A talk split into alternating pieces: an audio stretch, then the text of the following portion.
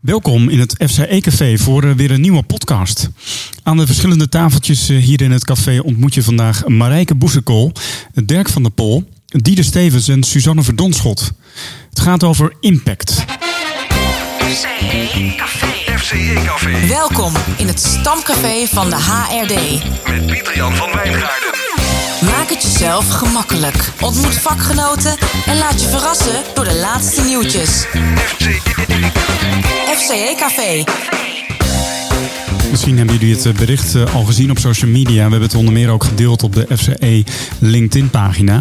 Jozef Kessels, founder van de FCE, heeft een prachtig artikel geschreven over de ontwikkelingen in het denken over werken en leren, die onder meer hebben geleid tot het concept lerende organisatie.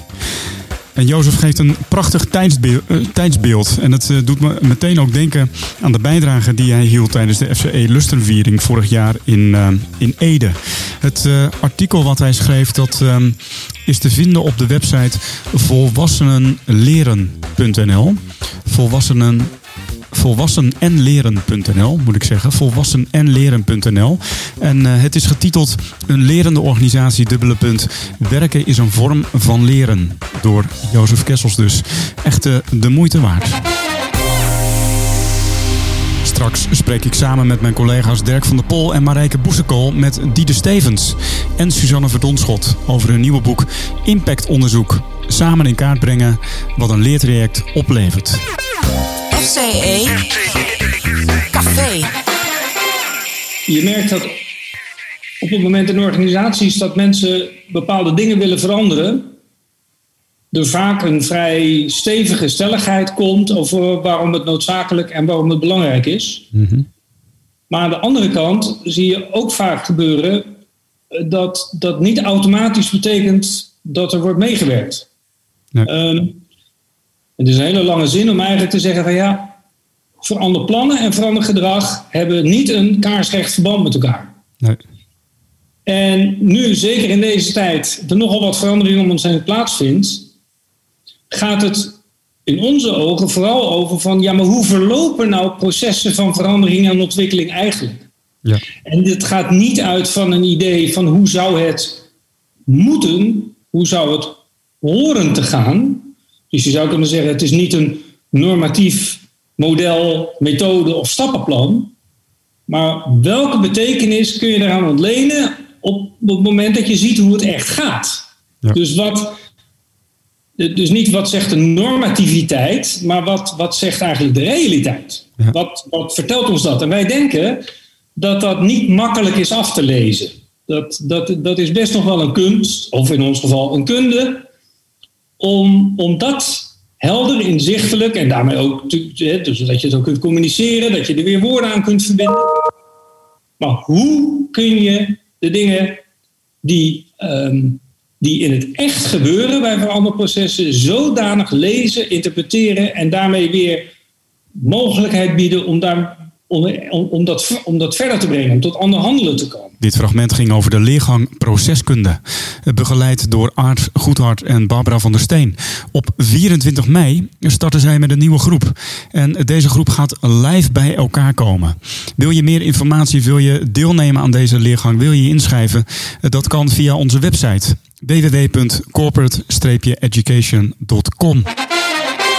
En ook Marcel de Leeuwen start op korte termijn met een nieuwe groep voor de leergang e-learning. En wel op eh, 8 juni.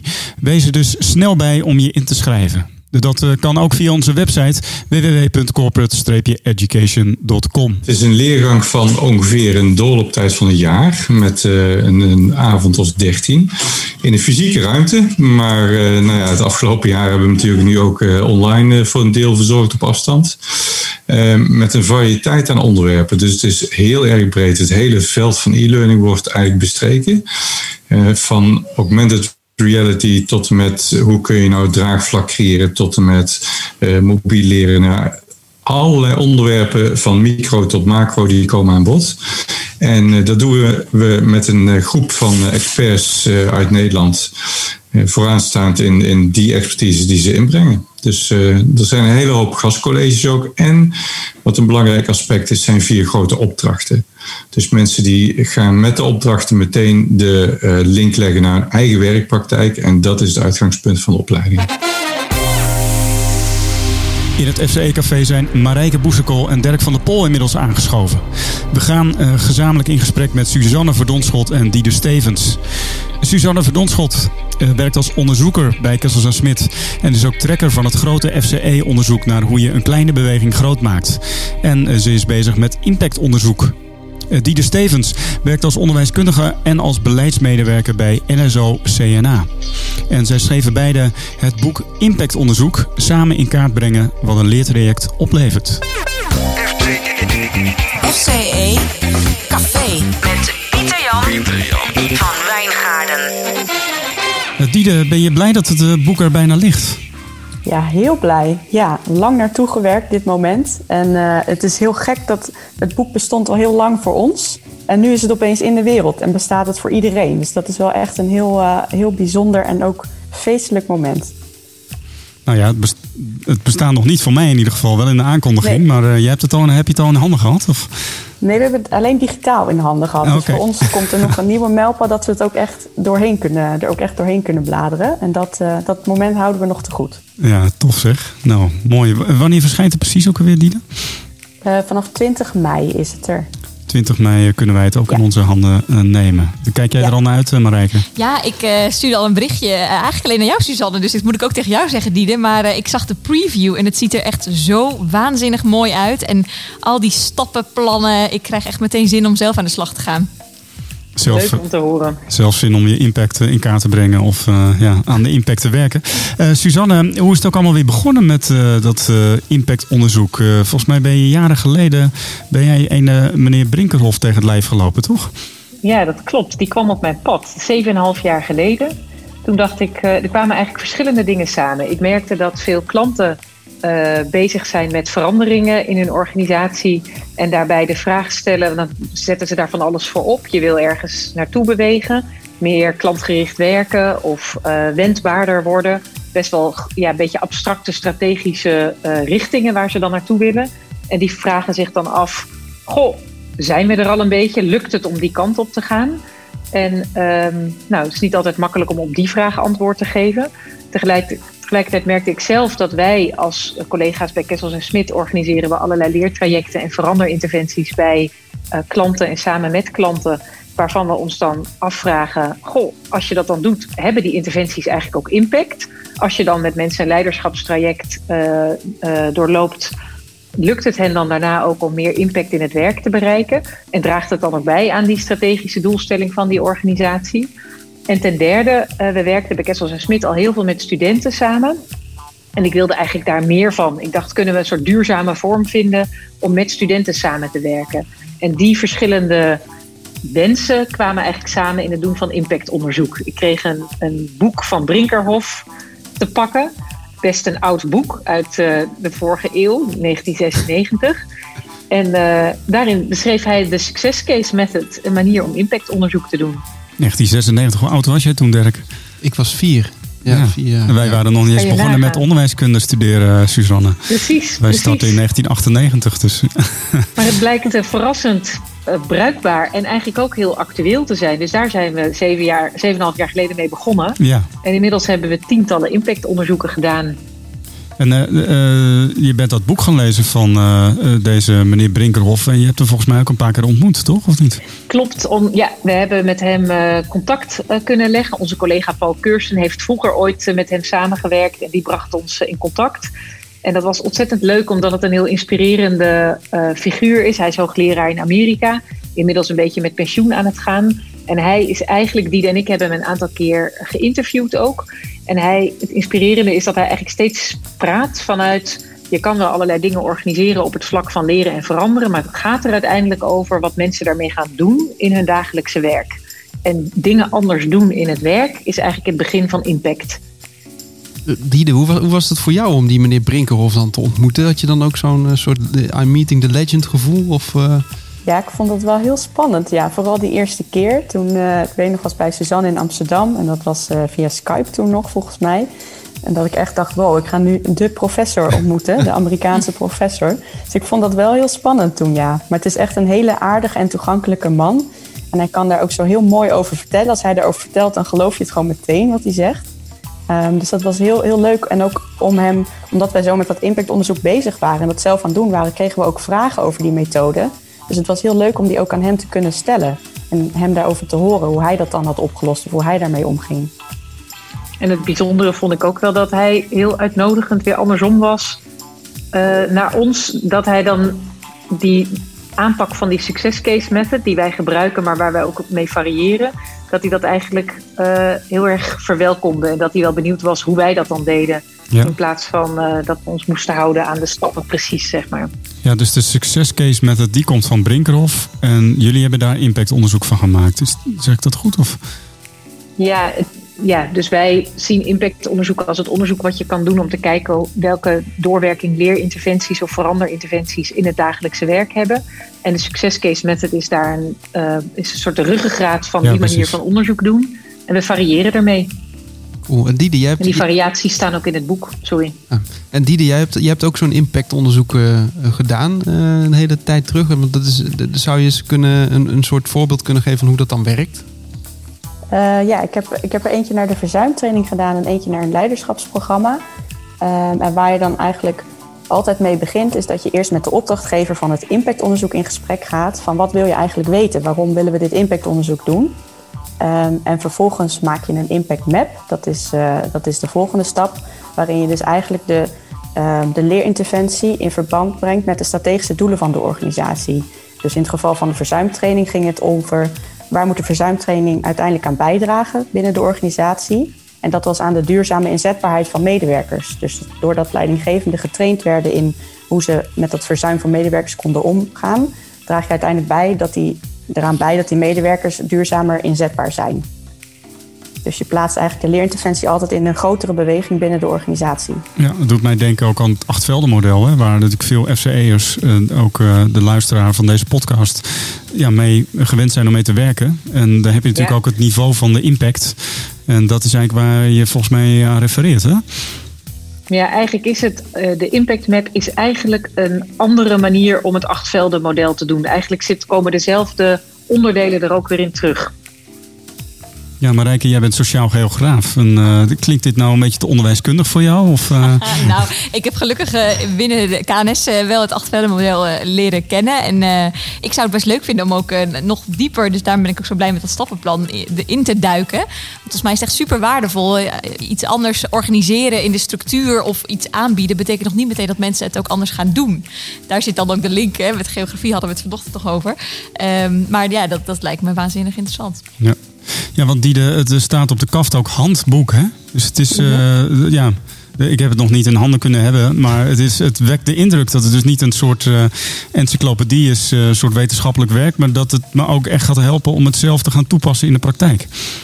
Ja, ja, dat was wel onze insteek. Daarom vandaar ook de naam handboek inderdaad. Het is echt een aan de slagboek. Je kan ermee aan de slag als je het leest. Het is ook gebaseerd op onze eigen ervaringen met impactonderzoek. Eh, dus daarom is het eigenlijk ook zo praktisch en toepasbaar.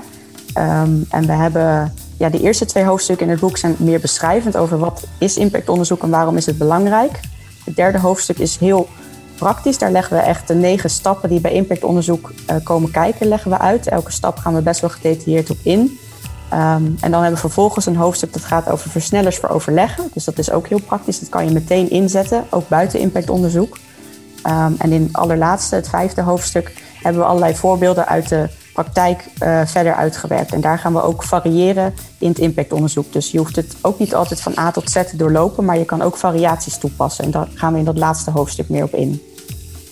Waanzinnig. Hey, en Suus, je bent dus al eh, ja, een jaar of zeven en een half met dat impactonderzoek bezig. Wat is, nou, wat is nou een heel tof onderzoek wat je hebt uitgevoerd? Nou, een van mijn eh, favorieten is eh, het onderzoek wat we deden in samenwerking met een uitvoeringsorganisatie.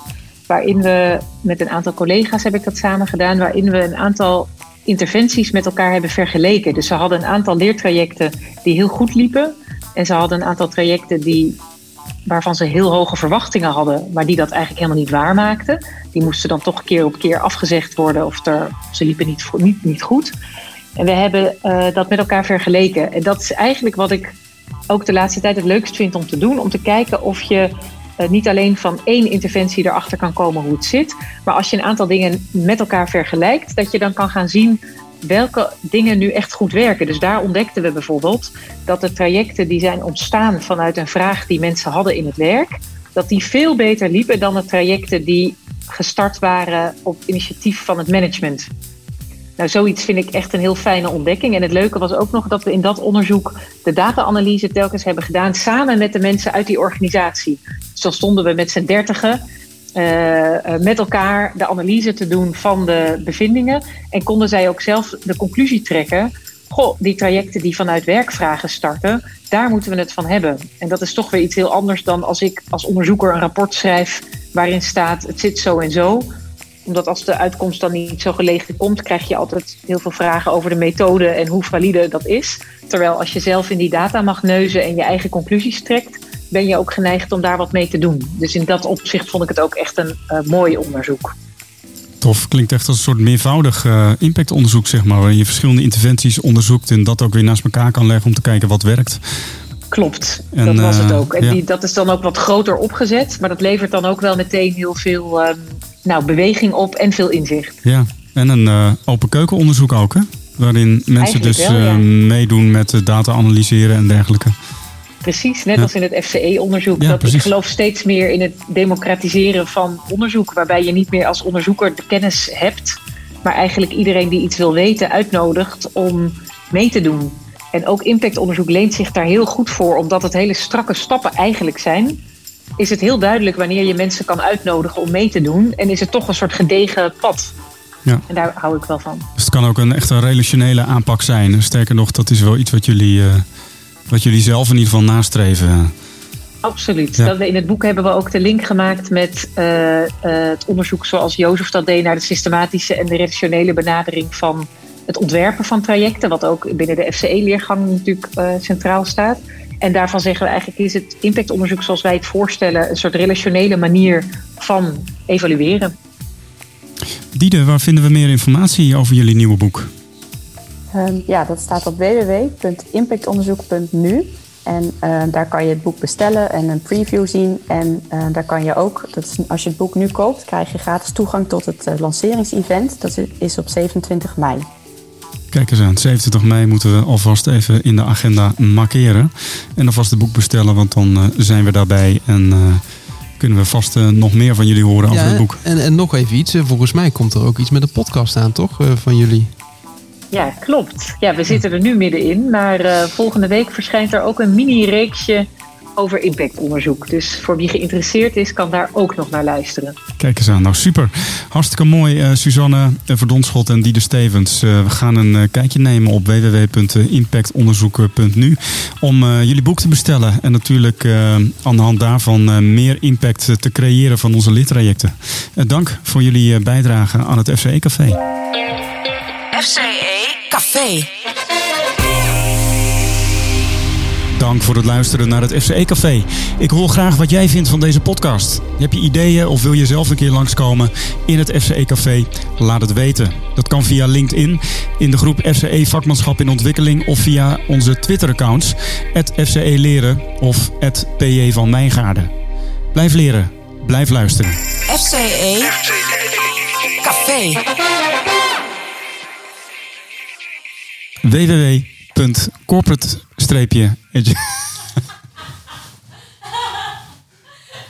blijf leren, blijf luisteren. blijf leren.